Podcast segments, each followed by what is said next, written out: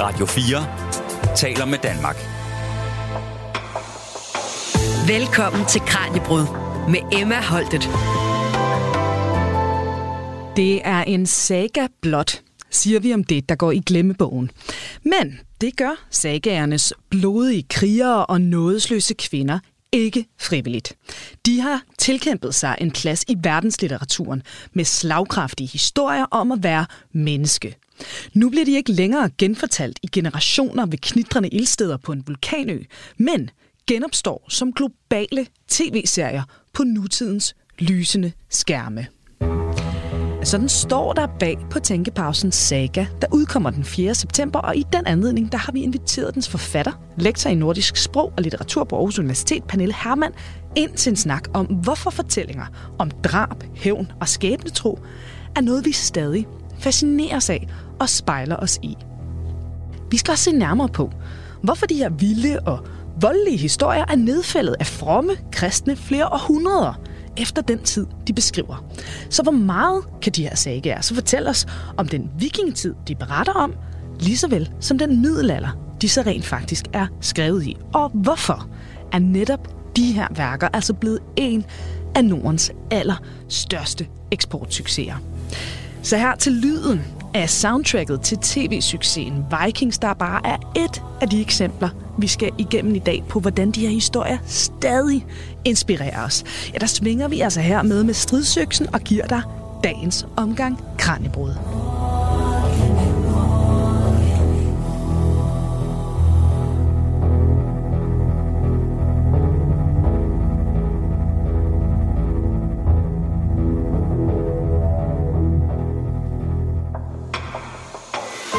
Du lytter til Radio 4. Velkommen til, Pernille Hermann.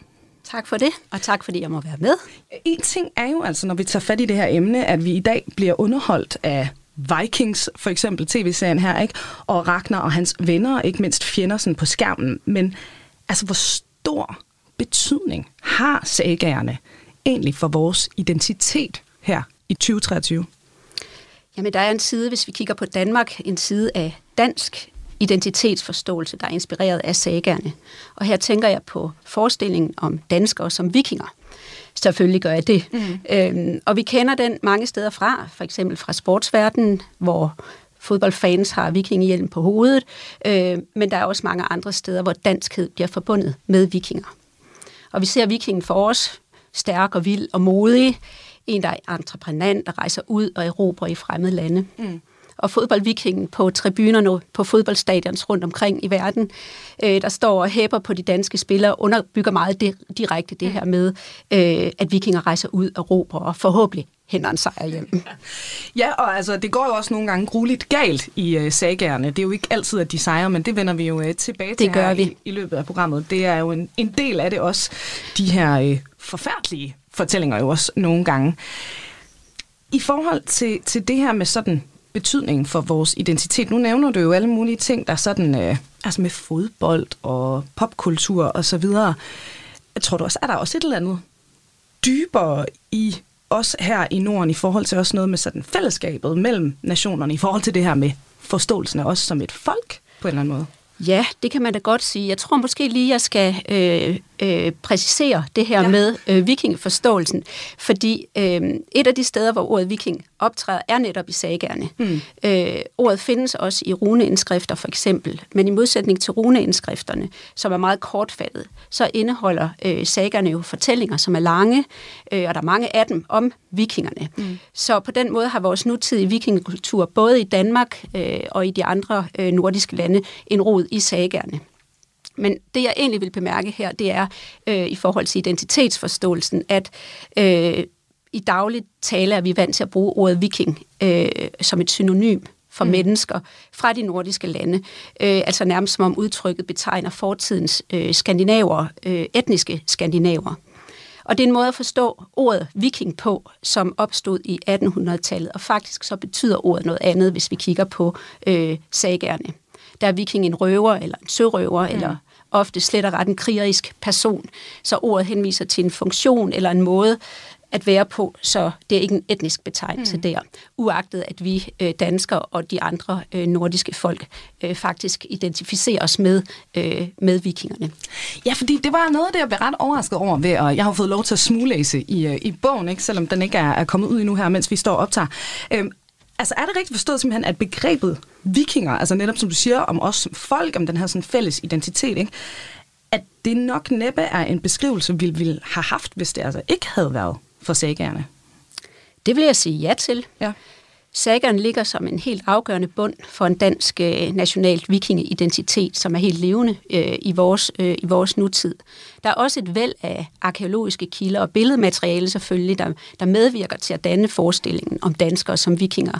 Men sagerne er enormt vigtige i den forstand, at de her fortællinger de sætter ord på handlinger og begivenheder, og de sætter navne på personer øh, på en måde, som de tavse arkeologiske kilder, de kortfattede runeindskrifter, ikke mm. gør. Mm.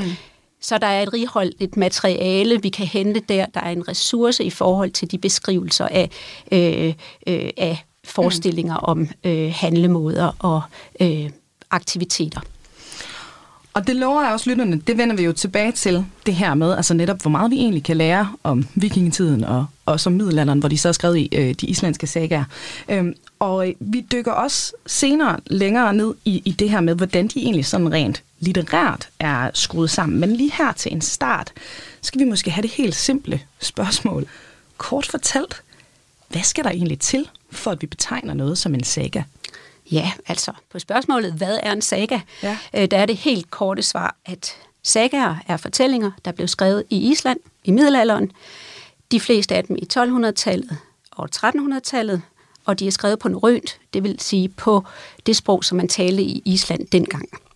Det er en helt korte. Ja, den helt korte. Ja. Og, og vi lover jo lytterne, vi kommer meget mere ind på altså undergenre og alt muligt andet her i, i løbet af programmet. Men hvad betyder øh, saga egentlig i sig selv, altså bare som ord? Som ord, der betyder det fortælling eller beretning.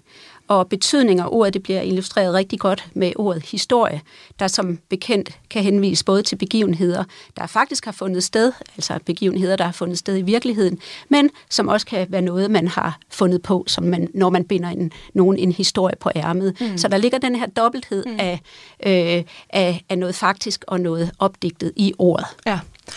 Og hvor stor en værksamling er der tale om? Altså, hvor mange sagaer findes der i dag? Som du lige nævnede før, så er der forskellige typer af sagaer. Øh, det kan jeg komme tilbage til, øh, men øh, en af grupperne, det er dem, vi i dag kalder islændingesagerne, dem er der cirka 40 af. Så er der nogle andre, det er oldtidssaga, dem er der knap 30 af, og så er der flere andre sagatyper, hvor der er et varierende antal. Mm. Øh, men det er lidt vanskeligt at svare på præcist, hvor mange der er, og det hænger øh, blandt andet sammen med, at der ofte er flere, eller nærmest altid er flere versioner af den enkelte saga. Mm. De blev skrevet i hånden, og de blev kopieret mm. i middelalderen. Øh, ikke med kopimaskiner, øh, men også i, øh, med håndens kraft. Og dem, der afskrev sagaen, de fulgte ikke altid deres forlæg direkte. de har selv øh, lidt. De har øh, lige præcis, altså de har kunne øh, tilføje lidt, eller de har øh, kunne ændre noget, de måske mente var forkert simpelthen. Øh, og nogle gange øh, er der ikke så mange ændringer, andre gange er der egentlig ændringer nok til, at spørgsmålet er, om det er en ny selvstændig tekst. Så udover at der er et antal sager, så, vi, så findes den enkelte saga også i, i flere forskellige øh, variationer. Så det bliver alt i alt en, en pæn stor øh, samling. Ja. Ja, og, og også noget, man lige skal holde tungen lige i munden. Så alle sagaer, som du siger, det skal jo være skrevet på Island, for at det er en saga. Men så er der simpelthen også en undergenre, som så hedder islænder sagaer. Ja, lige præcis. Det skal lytterne lige uh, have i mente, når vi snakker ja, om den og her det er måske en af de uh, ting, der er rart lige at få på plads, at vi taler om de islandske sagaer. Det er en meget uh, bred kategori af fortællinger. Mm. Og så er der islændingesagaerne, som I er... den kategori. Ja, under kategorien. Lige præcis. Ja.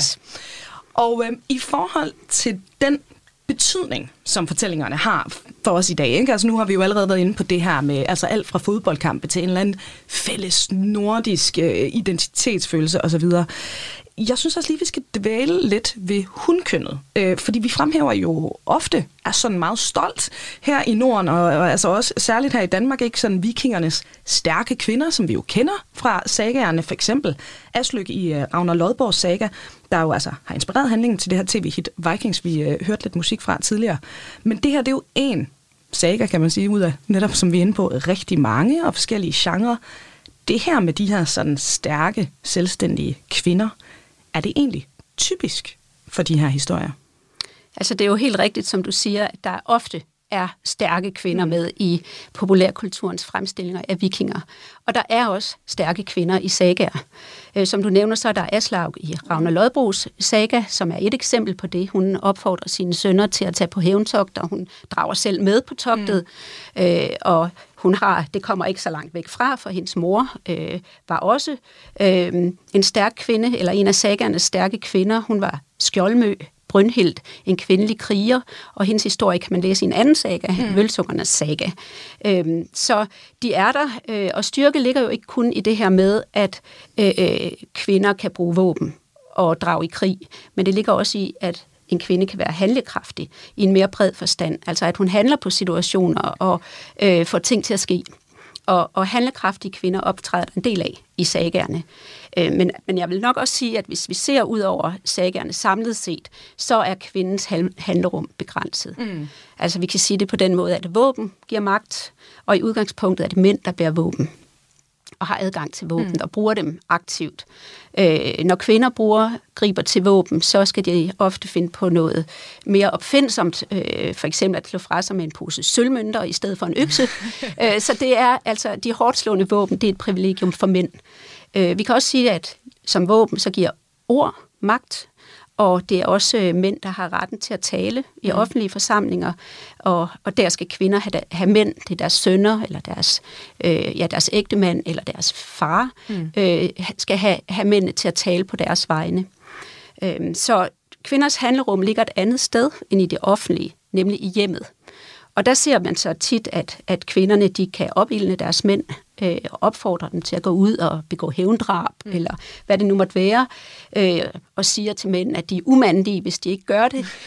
øh, og en umandig mand er en mand uden ære, og det vil de jo så ikke være, så derfor drager de ud på opfordring af kvinderne. Ja. Så der trækker kvinder ofte i trådene sådan fra, øh, fra backstage mm. eller, eller om øh, bagved.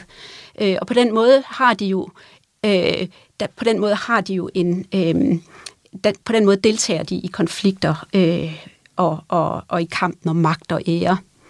Så ja, altså der er stærke og handlekraftige kvinder i sagerne, øh, men der er også virkelig mange sager, øh, hvor kvinder ikke har en stemme, mm. øh, og hvor de ikke spiller nogen stor rolle. Ja, så når vi synes, det virker som et dominerende træk, så er det netop altså her i 2023, så sidder vi så og plukker de kvinder og de historier ud af den her kæmpe samling, hvor de altså har noget mere agens måske, end øh, man normalt har været. Det gør vi, og det ja. handler jo også netop om, at det her er fortællinger, der bliver, der bliver set på forskelligt fra tid til tid. Og det vi gerne vil finde i dag. Mm. Øh, det, vi interesserer os for det her med kvinder og kvinders handlerum, øh, og der er det jo så det, man leder efter. Så det er sådan en selektiv tilgang til saga-materialet. Ja, og apropos det her med sådan moderne fortolkninger, fordi vi har været inde på det øh, allerede. Jeg synes, vi skal prøve at dykke ned i nogle af eksemplerne på, hvordan de her fortællinger de også lever videre i dag. Du fremhæver blandt andet i øh, bogen PDB's øh, rap, der hedder Pedes skæve Danmarks historie, hvor han i det nummer, der hedder Vikingetid, starter med at sige, jo, vi er vikinger, råber fodboldfans til udekampe, og så fortsætter det her nummer altså derfra. Han er vel lige præcis med den her første sætning ind på noget meget væsentligt, fordi det er vel altså noget, der øh, i den grad præger fodboldkulturen. De er, som du også allerede var inde på i starten, ikke nogen, der tager sådan vikingeidentiteten på sig, om end det så er en lidt sådan tegneserieagtig version af den. Det er vel sådan næsten indbegrebet af vores moderne brug af de her vikinger.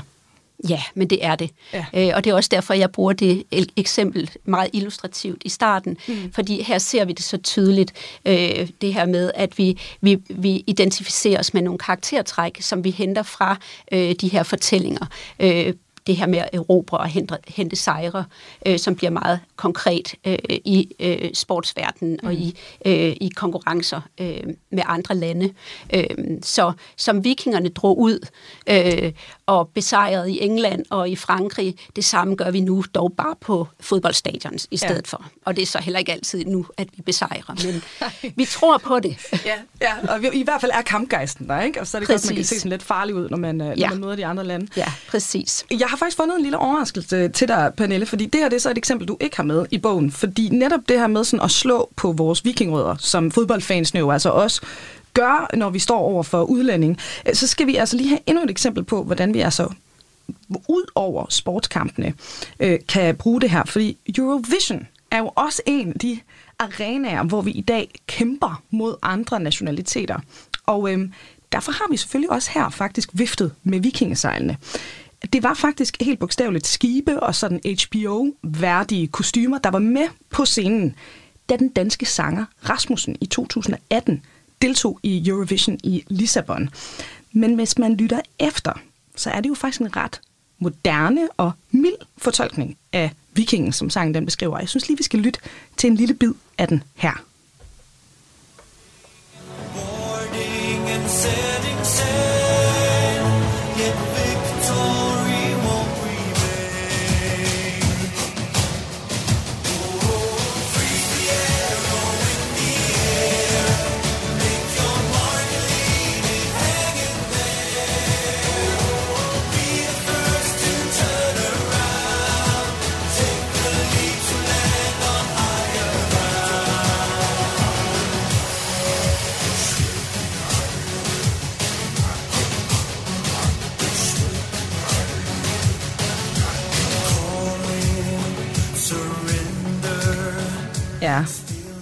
Pernille, jeg ved ikke, om du er Eurovision-typen, men jeg tænkte netop, med det du forsker i, at der var en chance for, at du havde hørt den her jo, sang for. det har jeg naturligvis. Ja. og øh, jeg noterede mig jo også, øh, da den var med, hvor højt placeret sangen blev, ja. øh, på trods af, hvad øh, øh, dommerkomiteen eller panelet egentlig havde forudset. Altså, de stemmer, der kom under selve Eurovision, var jo øh, enormt betaget af den her sang. Og det tror jeg egentlig også siger noget om det her visuelle udtryk, mm. som er så genkendeligt, ikke kun i Danmark, men også uden for Danmark.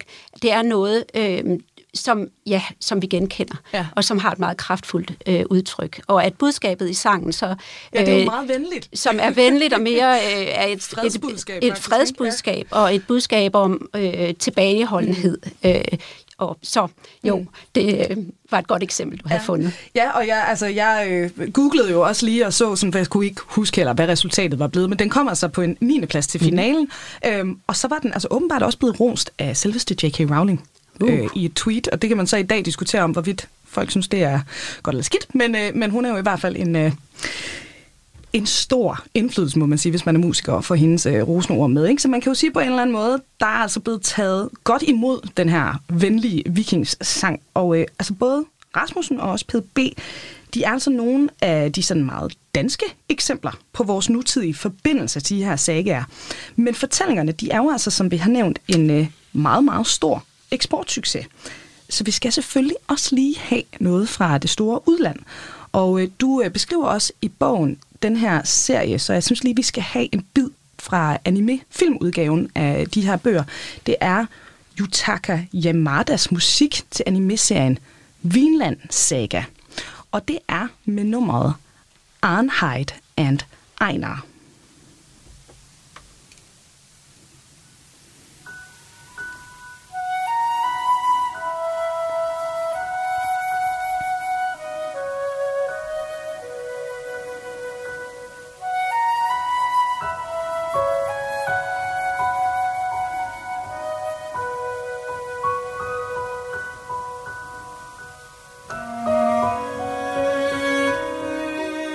Pernille, man falder jo helt ned i gear, som vi kan høre her. Det er altså øh, et, øh, en anden stemning, kan vi sige, end øh, Vikings og også Rasmussens take på, øh, på sagagerens øh, hovedkarakter.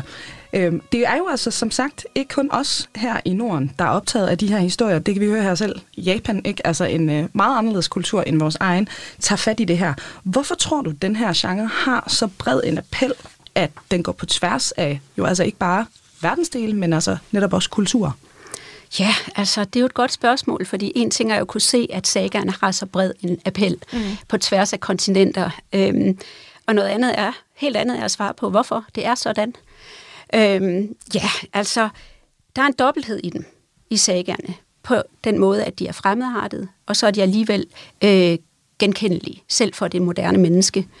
Øh, på den ene side, så giver de et indblik i den her virkelig fremmedartet verden. Individet er underlagt slægten og skal indordne sig, og hvis ikke det er underlagt øh, slægten, er det underlagt skæbnen. Øh, genganger viser sig for levende, at de optræder i kød og blod.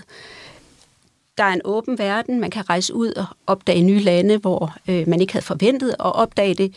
Og øh, man kan læse om store helte, der slår drager ihjel. Mm. Så det er virkelig fremadrettet. Men der er også noget genkendeligt, og de taler på en eller anden måde til mennesker på tværs af tid og sted, og behandler store spørgsmål i livet. Relationen mellem mennesker, sorgen over at miste et barn, jalousi, hævnlyst. Så de har en dobbelthed, som mm. jeg tror øh, er, er fascinerende. Og nu har du nævnt øh, Vikings. Øh, der vil jeg sige, der er noget i sagernes fortælleform, der gør dem til et godt materiale for filmskabere. Mm. Øh, der er masser af drama i de her meget handlingsorienterede fortællinger. Og en serie som Vikings, der tillader relativt øh, hårdkogte, øh, en, en hårdkogt handling og, og meget eksplicite voldscener, øh, kan godt finde inspiration i sagerne, fordi mange sager er bygget op om, om konflikter, og de tillader også nogle er til ret vilde øh, mm. voldsbeskrivelser. Øh, og de har en særlig retorik omkring øh, volden, øh, hvor knogler bliver knust og hoveder bliver hugget af. Og, øh, så altså handlingen, det dramatiske, og det her med, at der er en, en eksplicit øh, udstilling af nogle emner, som ligger på grænsen til det acceptable, mm. tror jeg også er, er, er, er tiltalende øh, eller i hvert fald noget, der kan være det inden for øh, visse genrer. Og så tænker jeg egentlig øh, på, at et enkelt svar på det også er, at den brede appel, det er, at historien, altså fortiden, er interessant. Mm. Uanset om det moderne menneske så har fjernet sig fra fortiden, eller stadigvæk i glemt i hvert fald kan genkende øh, sig selv øh, i den. Øh, og sagaer giver en meget detaljeret indsigt netop i en bid af historien, som vi ikke har adgang til i andre tekster. Og med historie mener jeg ikke her, at de giver et indblik i faktiske begivenheder, mm. men altså, at de giver et indblik i øh, forestillinger og idealer, som man havde engang. Mm. Så jeg tror egentlig også, at den historiske øh, afstand mm. gør dem interessante. Ja. Det er sjovt, fordi altså, vi jo, altså, selvfølgelig, som du siger, det er, jo, det er jo det her indblik i noget, vi ellers ikke kender til. Øh, men også det her med det menneskelige, så er vi jo oppe på sådan en helt store klinge, ligesom Shakespeare og andre af de her sådan ikoniske værker, hvor det kan godt være, at vi ikke kan identificere os med den her konge, han beskriver på et eller andet tidspunkt i England, men der er de her følelser og nogle almengyldige forhold som kone, mand, far, søn, som bare altid giver en eller anden form for genklang. Ja, lige præcis. Og, og på den måde kan man sige, at selvom saga er skrevet på en ø i mm. Nordatlanten, og på mange måder er ekstremt lokale, så mm. har de samtidig også det her øh, udblik og den her øh, appel øh, af noget generelt og noget universelt. Mm.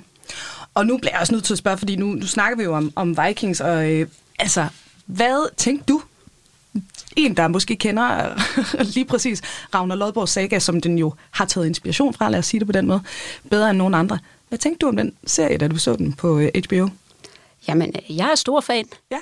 Og det er jeg, fordi at jeg øh, godt kan lide at følge udviklingen af fortællingen, og se, hvordan den har øh, forandret sig, men også kan genkende fortællingen. Mm. Og her er det jo også vigtigt øh, til dem, der ikke har læst sager, men har set for eksempel Vikings, mm. at vide, at Vikings er en adaptation, ja.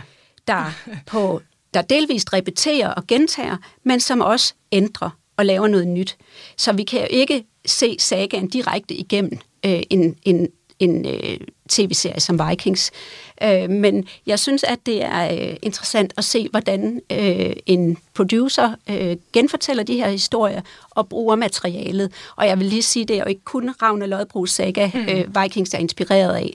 Den øh, refererer til øh, flere andre øh, tekster, også Saxos Danmarks historie, og, og andre øh, tekster, der behandler øh, øh, vikingetiden. Mm. Øh, så jeg har haft stor fornøjelse af det. Om det er godt. Det Men godt. jeg sidder heller ikke og ser efter, om den følger øh, sagaen fuldstændig øh, i enhver detalje. Nej. For det forventer jeg ikke, den gør. Ja, og det er jo altså, øh, som vel alt godt materiale, at hvis det skal leve videre, så skal det vel også genfortolkes, ikke? Lige præcis, og det er der, vi er tilbage ved de her stærke kvinder, og så altså, at de bliver fremhævet også der, ikke? At det er også fordi, at det er noget, der siger noget om vores samtid nu. Ja. Og jeg tror jo, at jeg skal komme med en note. Jeg tror, har jeg ikke hele tiden sagt Ragnar Lod Borgs saga, mens vi har stået og snakket her? Jo. Ragnar Lod Bros saga jo. Ja. dermed øh, rettet. Hermed der skal vi altså også videre til næste kapitel på vores rejse igennem netop sagerne, og vi hopper derfor af skibet nu og går i land lige der, hvor det hele blev til på en lille nordlig vulkanø. Du lytter til Kranjebrud på Radio 4. Og til nye lyttere, vi er i fuld sving med at fordybe os i fortællinger, der øh, selvom nogle af dem altså foregår for mere end 1000 år siden, stadig påvirker vores selvforståelse og nationale identitet. Og øh, vi har i dag besøg af lektor i nordisk sprog og litteratur på Aarhus Universitet, Pernille Hermann, der i start september er aktuel med tænkepausen Saga. Og Pernille, vi ved selvfølgelig, at øh, sagerne, som vi allerede har været inde på, at de kommer fra Island. De skal komme fra Island jo, for at vi betegner det som en saga. Men hvem er det, der skriver dem? Ja, hvem skriver den? Det er et godt spørgsmål igen. Sagen er, at vi kender kun navnene på ganske få forfattere eller skrivere bag sagerne, øh, så vi ved faktisk ikke, hvem det var. Men vi regner med, at det var præster eller munke ved islandske kirker og bispesæder og klostre, der nedskrev den. En uddannelse som præst ville have givet adgang til, øh, eller kendskab til skriftsproget, og folk i kirkens og klostrenes tjeneste, de havde adgang til det skriveudstyr, der var nødvendigt. Derudover ved vi, at det også kunne være høvdinge, der stod bag i hvert fald nogle af sagerne, øh, blandt andet nogle af kongesagerne. Og det er Snorri Sturluson et eksempel på. Han var en magtfuld høvding, mm. politiker, historiker, juridisk ekspert og digter i Island i 1200-tallet. Så der er både munkene, mm. præsterne, og så er der øh, enkelte høvdinge, der også vil have i hvert fald stået bag sagerne. Mm. Og hvad siger de så om netop den her tid, de så er skrevet i? Ja, det korte svar her, det er, at øh, de siger sådan set lige så meget øh, om den tid, som de har skrevet i, som de siger om den fortid, som de beskriver. Mm. Jeg ved ikke, hvor tydeligt det er blevet gjort, men det er sådan, at en saga er, de fleste sagaer er en fortælling om fortiden. Mm. Øh, både den relativt øh, nære fortid, men også en meget fjern fortid. Og der er øh, i øh, sagerne øh, mindst øh, et par århundrede imellem øh, nedskrivningstiden og den tid, hvor handlingen foregår. Mm. Så der er en meget stor afstand i tid. Og der er sket en udvælgelse i materialet i nedskrivningen, øh, og der er blevet lavet nogle tilpasninger i øh, sagernes samtid. Så jeg vil sige, at det, og det kan vi se blandt andet ved, at øh, personskildringerne øh, afspejler kristne mm. idealer, sådan man for eksempel øh, er der en forsker, der har, øh, Lars Lønroth, som har omtalt de noble hedninge, øh, det vil sige øh, mennesker, der selvom de lever før kristendommen bliver indført, mm. faktisk inkarnerer nogle kristne idealer. For eksempel holder de sig tilbage fra hævndrab, øh, og de øh, viser en form for barmhjertighed i stedet for. Så det er tydeligt nok, at der har været dels en sortering i materialet, og også en, en omskrivning, som har gjort, at sagerne har været øh, ja, acceptable i den kristne samtid, hvor de er blevet til. Mm. Når det så er sagt, så er der også mange sager, hvor vi godt kan undre os over, at kristne islændinge, de så direkte og uden direkte fordømmelse formidlede så mange skikke, øh, æresdrab, magi, rituelle handlinger, der ville have været modstrid med deres eget tankesæt. Mm. Så der har været en stor interesse i fortiden. Der har været en stor interesse i at samle fortællinger om fortiden, der til en vis grad har eksisteret mundtligt forud for den her nedskrivning, og samle dem i skriftmediet. Ja. Ja, for det virker jo paradoxalt, ikke, at det er de her sådan fromme mænd, der jo har siddet i middelalderen og beskrevet alt det her vold i den her øh, gamle vikingetid. Ikke? Altså, øh, men det er simpelthen, der, det har altså været i overensstemmelse, som du siger, med deres tro, fordi man altså også har brugt det, som jeg forstår det lidt på der, altså til at at lære folk om moral, når man så også læser om de her mor og... Ja, altså, altså jeg har været inde på i, i tænkepausen, for eksempel i en saga som Gisle Saga, mm. som, øh, øh, hvor der udspiller sig en række hævndrab. Øh, og i den saga er det ikke sådan, at der er en konflikt, der ligger imellem to forskellige slægter, to mm. forskellige familier. Der er konflikten flyttet ind i familiens inderste kerne. Ja. Og det ender med, at hovedpersonerne, ja, det er en spoiler, jeg ved det godt, men det er ikke så overraskende. Vi må gerne spoile, at at øh, de øh, fire hovedpersoner, ja. øh, der står stærke ved sagaens begyndelse, de er alle døde og borte mm. ved sagaens slutning, fordi de har været i interne konflikter. Ja. Og der en mulighed at se det på, kan være det her med, at en kristen forfatter, en kristen skriver, har ikke opdigtet historien, men omformet et materiale på en måde, så det faktisk har kunne fremstå som et eksempel på, hvordan man ikke skal handle. Mm, ja. Og på den måde har skrevet en morale ind i sagaen. Men det er en fortolkning, jeg ligger ned over det, ja. og vi ved det jo ikke. Nej, Nej vi, kan jo ikke, øh, vi kan jo ikke vide, hvad deres intentioner har været med det. Nej. Men i princippet kan de godt have været med til at give vikingerne måske et, et mere voldeligt brand, så, end de har fortjent. Det kunne man sige i det her tilfælde, ja. de godt kunne have ja. været med til. Ja. ja. Og der er øh, mange forskellige genrer, som vi har, eller undergenre, undskyld, som vi har været inde på. Øh, jeg tænker, skal vi starte med oldtidssagerne? For de er vel de første? Ja, både og. Øh, man kan sige det på den måde, sagerne er, er skrevet i den samme tidsperiode, så der er ikke en øh, tydelig kronologi i forhold mm. til, hvilke sager, der bliver skrevet først. Så det er den her periode, hvor der er en intens øh, produktivitet i forhold til det at skrive sagaer. Det, man, vi kan sige om oldtidssagerne, det er, at de handler om en fjern øh, fortid, hvor øh, handlingen foregår uden for Island, og det er norske, danske, svenske konger, øh, stormænd, der bliver, øh, der bliver beskrevet. Øh, det er de sager, vi finder helte. Mm. Det er her, vi finder kampe mod drager. Det er her, vi hører, at de nordiske guder kan blande sig med, øh, kan blande sig med, med menneskelige figurer.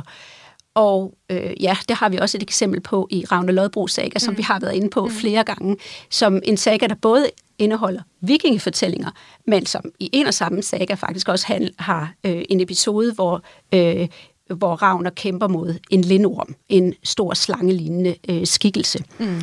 Så i oldtidssagaen, der har vi der er der ikke så lang afstand mellem det historiske og det overnaturlige. Og det ser ud til, at jo længere væk i tid begivenhederne ligger, jo mere fantastiske, jo mere overnaturlige kan øh, fortællingerne blive. Mm. Så det er oldtidssagerne. Ved siden af dem har vi så islændingesagerne, som er, øh, der er handling øh, flyttet, eller der foregår handlingen i Island i en tid, øh, hvor øh, en tid, der er tættere på den tid, hvor, hvor sagerne øh, bliver skrevet. De handler om islandske høvdinge og deres slægt i tiden før kristendommens indførelse stadigvæk, men også i tiden omkring mm. kristendommens indførelse. Det er migrationsfortællinger. Vi hører, hvordan øh, familier flyt, flytter fra Norge til Island og slår sig ned, skaber øh, et nyt liv i et nyt samfund. De har en realistisk ramme. Der er meget detaljerede stedsbeskrivelser øh, og meget øh, en, en tydelig ramme, tidsmæssig ramme. Så de er mere realistiske i deres, øh, i deres udtryk. Mm. Så det er to meget forskellige artede øh, saga-typer. Man kan sige, at nogle af temaerne, emnerne i, i sagerne er stadigvæk kampen om ære, som går igen. Det er ikke alle sager, hvor det udspiller sig lige, lige så tydeligt, men mm. det ligger øh, til, til grund for, for de handlinger, som personerne har. Så på trods af øh, forskellige rum, forskellige tid, så er der nogle af emnerne, der, der går igen på tværs af sagerne. Så bare, jeg skal være sikker på, at jeg har forstået det rigtigt. I princippet, øh, jo længere væk handlingen flytter sig fra de her religiøse mænd på Island, der skriver dem der i middelalderen, både sådan fysisk, altså i form af, så bliver det Norge, Danmark, men også tid, jo mere mytologiske er sagerne så. Ja. Ja. Og så er det noget, der minder lidt mere om sådan historieskrivning. Det er de, øh, de altså islændingssagerne, ja, der, der lige præcis. der, hvor de er. Lige ja. præcis. Og apropos det, øh, altså kan vi bruge sagerne til at få et indblik i vikingetiden? Vi har været lidt inde på det, men altså, hvor meget kan vi egentlig tage fra de her fortællinger og, og benytte til at få et eller andet idé om, hvordan vikingerne har levet? Ja, det, er, det spørgsmål er især blevet diskuteret i forhold til de realistiske islændingssagager. Mm. øh, som fremstår mere troværdige. Men vi skal stadigvæk være påpasselige med at bruge dem som kilder til den tid, hvor de, som de beskriver.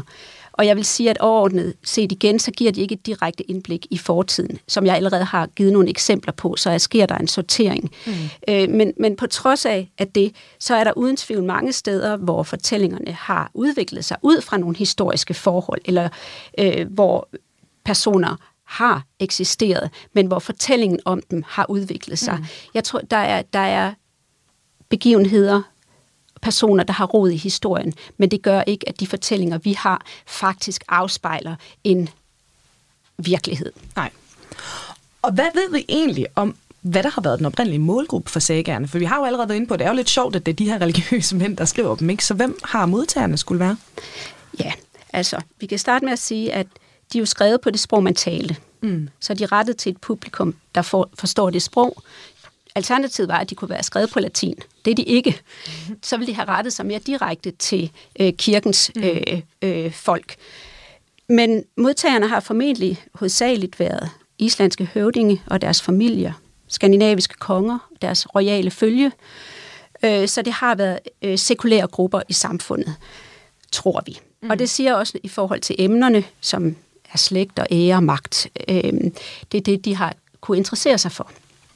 Så på den måde øh, har sagerne formentlig haft en, en modtagergruppe øh, blandt høvdinge øh, i det islandske samfund, og det gælder især for islændingssagerne. Mm.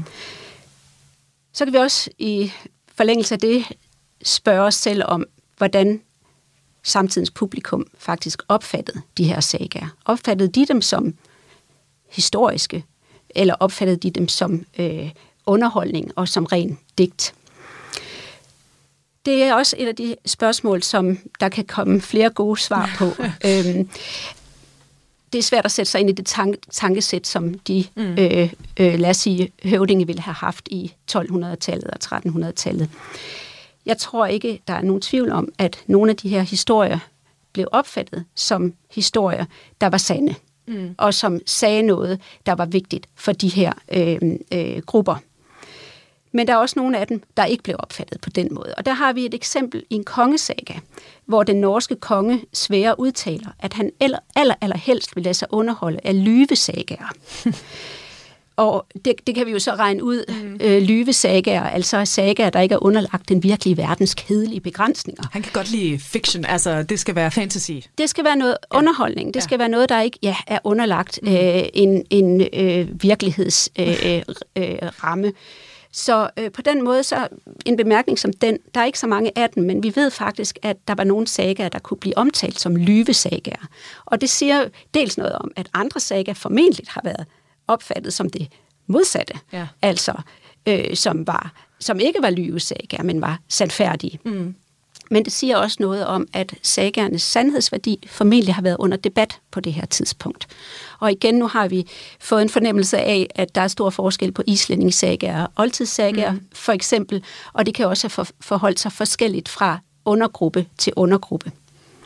Jeg ved ikke, om jeg lige må tilføje i forhold til undergrupperne. Der er jo, jo. flere endnu, øh, end, ja. end dem, vi har nævnt. Øhm, lad os lige få de sidste med. Ja, ja, lad os lige tage dem med. Altså, der er også kongesager. Jeg tror, jeg lige har nævnt mm. konge, kongesagerne. Og udover det, så er der også øh, øh, samtidssager øh, og øh, bispesagager og riddersagager. Så der er en, en, øh, en, ja, en bred gruppe af forskellige sagager. Og den underinddeling, som man ofte bruger, mm. øh, er egentlig en moderne konstruktion. Så hvis, og hvis vi ser på øh, saga-forfatterne, eller saga, dem der skrev sagerne selv, så lavede de ikke de øh, forskellige undergrupper. De talte om sagaer. Ja. Øh, det skal vi lige være opmærksom på, også når vi taler om forskelle og ligheder imellem, øh, mm. imellem sagerne. Du lytter til Radio 4. Og hvornår kommer sagerne egentlig til Danmark? Ja, her tror jeg, jeg vil pege på Arne Magnussen, som var professor på Københavns Universitet i det første årti af 1700-tallet. Øh, han var, som sagt, øh, han var islænding, øh, men øh, ansat på Københavns Universitet. Og i de første 10 år, der har han nogle rejser til sit hjemland Island, hvor han laver et meget stort indsamlingsarbejde. Der var kommet håndskrifter til Danmark fra Island før da. For eksempel en islandsk biskop, der havde foræret i, i 1660'erne foræret et værdifuldt håndskrift, Codex Regius, til den danske konge Frederik den 3. Men Arne Magnussen laver en systematisk indsamling, og han samlede ikke kun håndskrifter, der sådan var hele og velbevaret, men også fragmenter øh, og, og, og håndskrifter, der var blevet nedbrudt på den ene eller den anden måde. Og han etablerede en samling øh, i København, hvor han og hans assistenter afskrev de her øh, håndskrifter på papir og etablerede en, en stor, øh, flot samling, som var opbevaret i hans hus øh, i Stor Kannikestræde i København, og som i øvrigt var i højrisikozonen for at gå tabt under Københavns brand i 1728, mm. øh, men heldigvis blev øh, de fleste af håndskrifterne reddet, inden ja. det gik så galt. Men senere testamenterede Arne Magnussen de her, øh, sin, sin samling til øh, Københavns Universitet, øh, og på den baggrund blev der etableret den samling, der hedder den Arne Magnianske samling. Ja, og vi kan måske godt undre os over, hvorfor håndskrifterne øh, blev bragt til Danmark. Mm. Øh, det er der nogen, der måske godt kan, men på det her tidspunkt var Island en del af Danmark, og København var rigets hovedstad. Island var en fattig koloni, og den forskel på hovedstad og koloni, den viser sig også i en brevveksling, som Arne Magnussen skrev. Han skrev breve til sin kone, mens han mm. var i Island, og da bad han om, ikke hun kunne få, om ikke hun kunne sende sukker og kaffe og noget fransk brændevin og andre ting øh, op til ham i Island. Så det var altså en, en, en, en fattig koloni mm. på det her tidspunkt, øh, hvor den slags luksusvarer ikke var, var tilgængelige. Så det var rigets hovedstad, mm. og det var der, de kunne blive opbevaret også på det her tidspunkt. Og senere i 1800-tallet, der bliver København så også et centrum for studiet af sagaer, ikke bare blandt øh, nordiske øh, sprogforskere og litteraturforskere, men øh, for, for europæiske og øh, ja, øh, amerikanske øh, også. Mm. Så, altså, og nu er vi jo inde på øh, det her med Danmark og Island, der er jo et helt andet forhold i dag, og der har altså netop været stridigheder omkring det her med, at det er måske ikke helt fair, at de så befinder sig i Danmark, de her originale tekster nu, ikke? Hvad er der sket der? Ja, altså den her strid om, hvem der ejer ja. håndskrifterne, og øh, den er dukket op med jævne mellemrum. Island blev selvstændig og løsrev sig fra Danmark øh, i 1944, og som et led i den proces, der var håndskrifterne et, øh, et vigtigt, vigtigt symbol på en islandsk national mm. identitet. Og der kom et stærkt ønske om at få håndskrifterne bragt hjem til Island. Og det har ledt til en længere juridisk debat, øh, som har resulteret i, at Danmark, kolonimagten, mm. faktisk har tilbageleveret øh, nogle af håndskrifterne til Island. Øh, så samlingen er, er blevet delt op. Mm.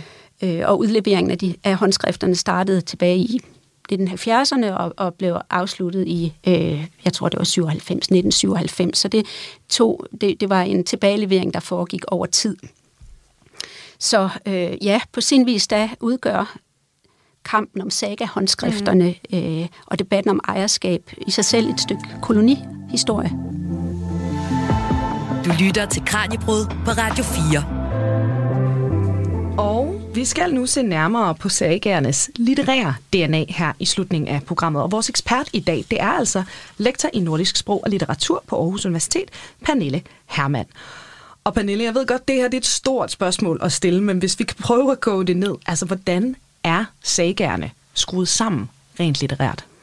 Ja, altså sagaer er prosafortællinger, men langt de fleste af dem, de indeholder også strofer eller endda lange digte. Så der er det her skift mellem fortællende prosa og digt. Mm. Og selve prosaen er skrevet på samme måde, som vi taler med hinanden. Den er enkel og lige til at forstå, og det virker ikke umiddelbart som et øh, litterært bearbejdet sprog. Det er meget lige til, og så skete, og så, og så. Det går stille og roligt derudad. Men at prosaen er bearbejdet, litterært bearbejdet, det viser sig alligevel. Blandt andet også ved, at der er mange dialoger mm. i sagerne, som øh, fremstår mere kunstfærdige. Og så er der de her strofer og digte, som afbryder den mundrette prosa, mm. og egentlig i modsætning til øh, prosaen ikke altid er så nemme at forstå. Jeg ved, at nogle læser, både når jeg underviser øh, i sagaer, øh, eller får nogen, der ikke er vant til at læse sagaer til, lige, prøv lige at læse den her saga, så kommer de tit tilbage til mig og indrømmer, ej, jeg sprang, jeg sprang de der digte over, eller ja. de der strofer. De brød ligesom op med handlingen, og jeg forstod heller ikke rigtigt, hvad de egentlig handlede om. Og, og når, den, øh, når de er lidt svære, eller kan, er svære at forstå, så handler det ikke kun om det her med, at de som, som digt er på rim og mm. øh, har et bestemt antal verselinjer, så er det i høj grad deres billedsprog, der gør dem øh, svære at forstå. For de er nemlig fulde af poetiske omskrivninger og synonymer, det som man teknisk kalder kendinger og haiti. Øh, og det er, øh, handler dybest set om, at øh, i de digte, der siges tingene ikke direkte, mm. som det er tilfældet i prosadelen, men bliver udtrykt ved hjælp af omskrivninger. Mm. Så i forhold til, hvordan sagerne er skruet sammen litterært set, så er det i hvert fald et kendetegn, at de både består af prosa mm. og, øh, og digt. Og nu, øh, som du sagde, der er jo tit, at folk faktisk ikke har læst en saga selv. Ikke? Altså, vi kender tit fortællingerne, men det er måske ikke sikkert, at vi har læst dem egentlig i, øh, i deres sådan rigtige form. Og øh, jeg fik faktisk læst ret mange sagaer højt som barn. Ah. Og nu prøvede jeg lige en Njal saga, en af dem, jeg rigtig tit fik, øh, fik læst. Og så gik det op for mig, hvor relativt god mit far han har været ved os, når han har læst op. For det er lidt svært at finde rundt i. Der er noget nutid, datid, der øh, hopper rundt, og der er også nogle andre ting, vi ligesom er vant til at blive taget måske lidt mere med hånden som læser, når dialogen går fra den ene karakter til den anden osv. Men det er jo stadig væk oversættelser, vi sidder og læser, ikke? Så øh, når du skal forske i de her sagaer, hvor tæt på det her oprindelige øh, sprog kan du egentlig komme som dansk forsker? Jamen, der læser jeg teksterne på norrønt i udgaver, øh, og læser dem på det, norrøn, på, på det norrøne sprog. Mm. Jeg vil sige for øh, læsere, der godt kunne tænke sig at gå i gang med at, at læse sagaer, øh, så er der faktisk ikke rigtig nogen undskyldning for at gå i gang nu, fordi vi har nogle rigtig, rigtig gode oversættelser til dansk. Mm. Både af islændingesagerne og oldtidssagerne, som Annette Lassen har stået for, og hvor der har været et princip om at bevare visse øh, ord, som kan virke øh, fremmedartet måske, men også samtidig at henvende sig til moderne læsere. Mm. Så der ligger nogle virkelig gode nye oversættelser, øh, så jeg synes egentlig bare, at det er med at kaste sig ud i det og forsøge at gå i gang. Og det synes jeg virkelig også, jeg er blevet meget inspireret til at tage fat i dem. Ikke mindst, fordi og nu nævnte du jo kendingerne, og det synes jeg, vi kunne lave et helt program bare om kendinger i sig selv. Men øh, her med et minut tilbage, så vil jeg jo så sige, der er jo nogle fantastiske ord i det her. ikke? Altså, du nævner jo flere af dem i, øh, i din bog. Altså, øh, ligesved. Ja, det er da klart, det er blod, når man så ser det. det altså, som du siger, det er jo egentlig tydeligt, når man ved det. Men så man kan faktisk godt sidde og gætte sig frem til, langt hen ad vejen i hvert fald, hvad de her kendinger, de egentlig betyder. Det kan man. Og det kan man jo delvist, fordi at øh, digtene og kendingerne i digtene, de optræder i en litterær kontekst. Mm. Så hvis en, øh, en kending optræder tæt på den beskrivelse, en beskrivelse af Ravn, i Ravne Lodbro saga, hvor han er i kamp og krig, ja. så giver det jo mening, at, som du siger, blod betyder, eller bliver omtalt som ligesved, og at når der står sårmåge, så er det nok en ravn. Og hvis der står bølgernes hest, så kan det nok også være et skib. Så noget af det kan man godt regne ud, mm. blandt andet godt hjulpet af den litterære kontekst i sagaen selv. Men der er også kendinger og nogle af de her omskrivninger, som ikke giver sig selv. Altså, mm. Og der skal man kende til myter og andre fortællinger, øh, som de refererer til. Mm. Så de kan være meget gådefulde, og en del af dem har øh, mytologiske mening, øh, eller øh, refererer til nogle mytologiske fortællinger. Et, et eksempel, som måske vil vække genklang hos nogen, det er, øh, at øh, Ymers blod, øh, at det betyder øh, verdenshavet, eller havet. Hvis man øh, har læst den nord- nord- skabelsesmyten mm. i den nordiske mytologi, så vil man vide, at verden bliver skabt ud af jætten Ymers krop. Så for at forstå Ymers blod, kendingen, så skal man have læst, eller man skal kende fortællingen mm. om øh, den mytologiske skabelse. Og sådan er det i det hele taget med kendingerne. Og der står vi i en situation, hvor vi er så heldige at have et værk, der ligger lige ved siden af sagerne. Det er teknisk set ikke en saga, men en, det er en håndbog for digtere, som hedder Snors Edda, og øh, hvor Snorri Sturluson, som jeg også har nævnt mm. som et eksempel på en af saga, øh, en af dem, der skrev sagaer, hvor han faktisk øh, øh, fortæller de nordiske myter med henblik på, at man skal kunne forstå kendingerne. Så det er en vigtig nøgle for os i dag til Kæmpe at hjælp, ja. kæmpe hjælp. Så tak for den. Øh, men stadigvæk er der stadigvæk en diskussion om, hvad øh, visse kendinger mm. faktisk refererer til. Den synes jeg så også allerede lyder sjov at, dykke ned i. Og øh, herudover, så vil jeg jo altså sige, altså øh, nu har de jo fået nogle gode tips til, hvordan de kan komme ind i sagerne, hvis de aldrig har grebet fat i en før, men de kan jo altså også den 4. september læse din nye bog, der netop hedder Saga i Tænkepause-serien. Det er simpelthen alt, vi fik tid til i dag. Pernille Hermann, lektor i nordisk sprog og litteratur på Aarhus Universitet. Tusind tak, fordi du tager os med ind i sagærnes udødelige fortællinger. Det var så lidt. Det var altså alt for den her omgang Kranjebrud. Mit navn det er Emma Elisabeth Holtet, og programmet her er produceret af Videnslyd for Radio 4. Musik er en hurtig genvej til at komme ind bag facaden. Hvis man skal sige essensen af, hvem er jeg, så er det de samme. Ind bag den offentlige person. De synger også irriterende godt. I Portrætalbum bruger Anders Bøtter musikken til at vise nye sider af sine gæster. Gita Nørby, Tim Christensen, Sofie Gråbøl, Anders Akker, Allan Olsen. Både dem, du er fan af, og dem, du ikke troede, du havde noget til fælles med. Velkommen til Portrætalbum. Lyt til Portrætalbum i Radio 4's app, eller der, hvor du lytter til podcast.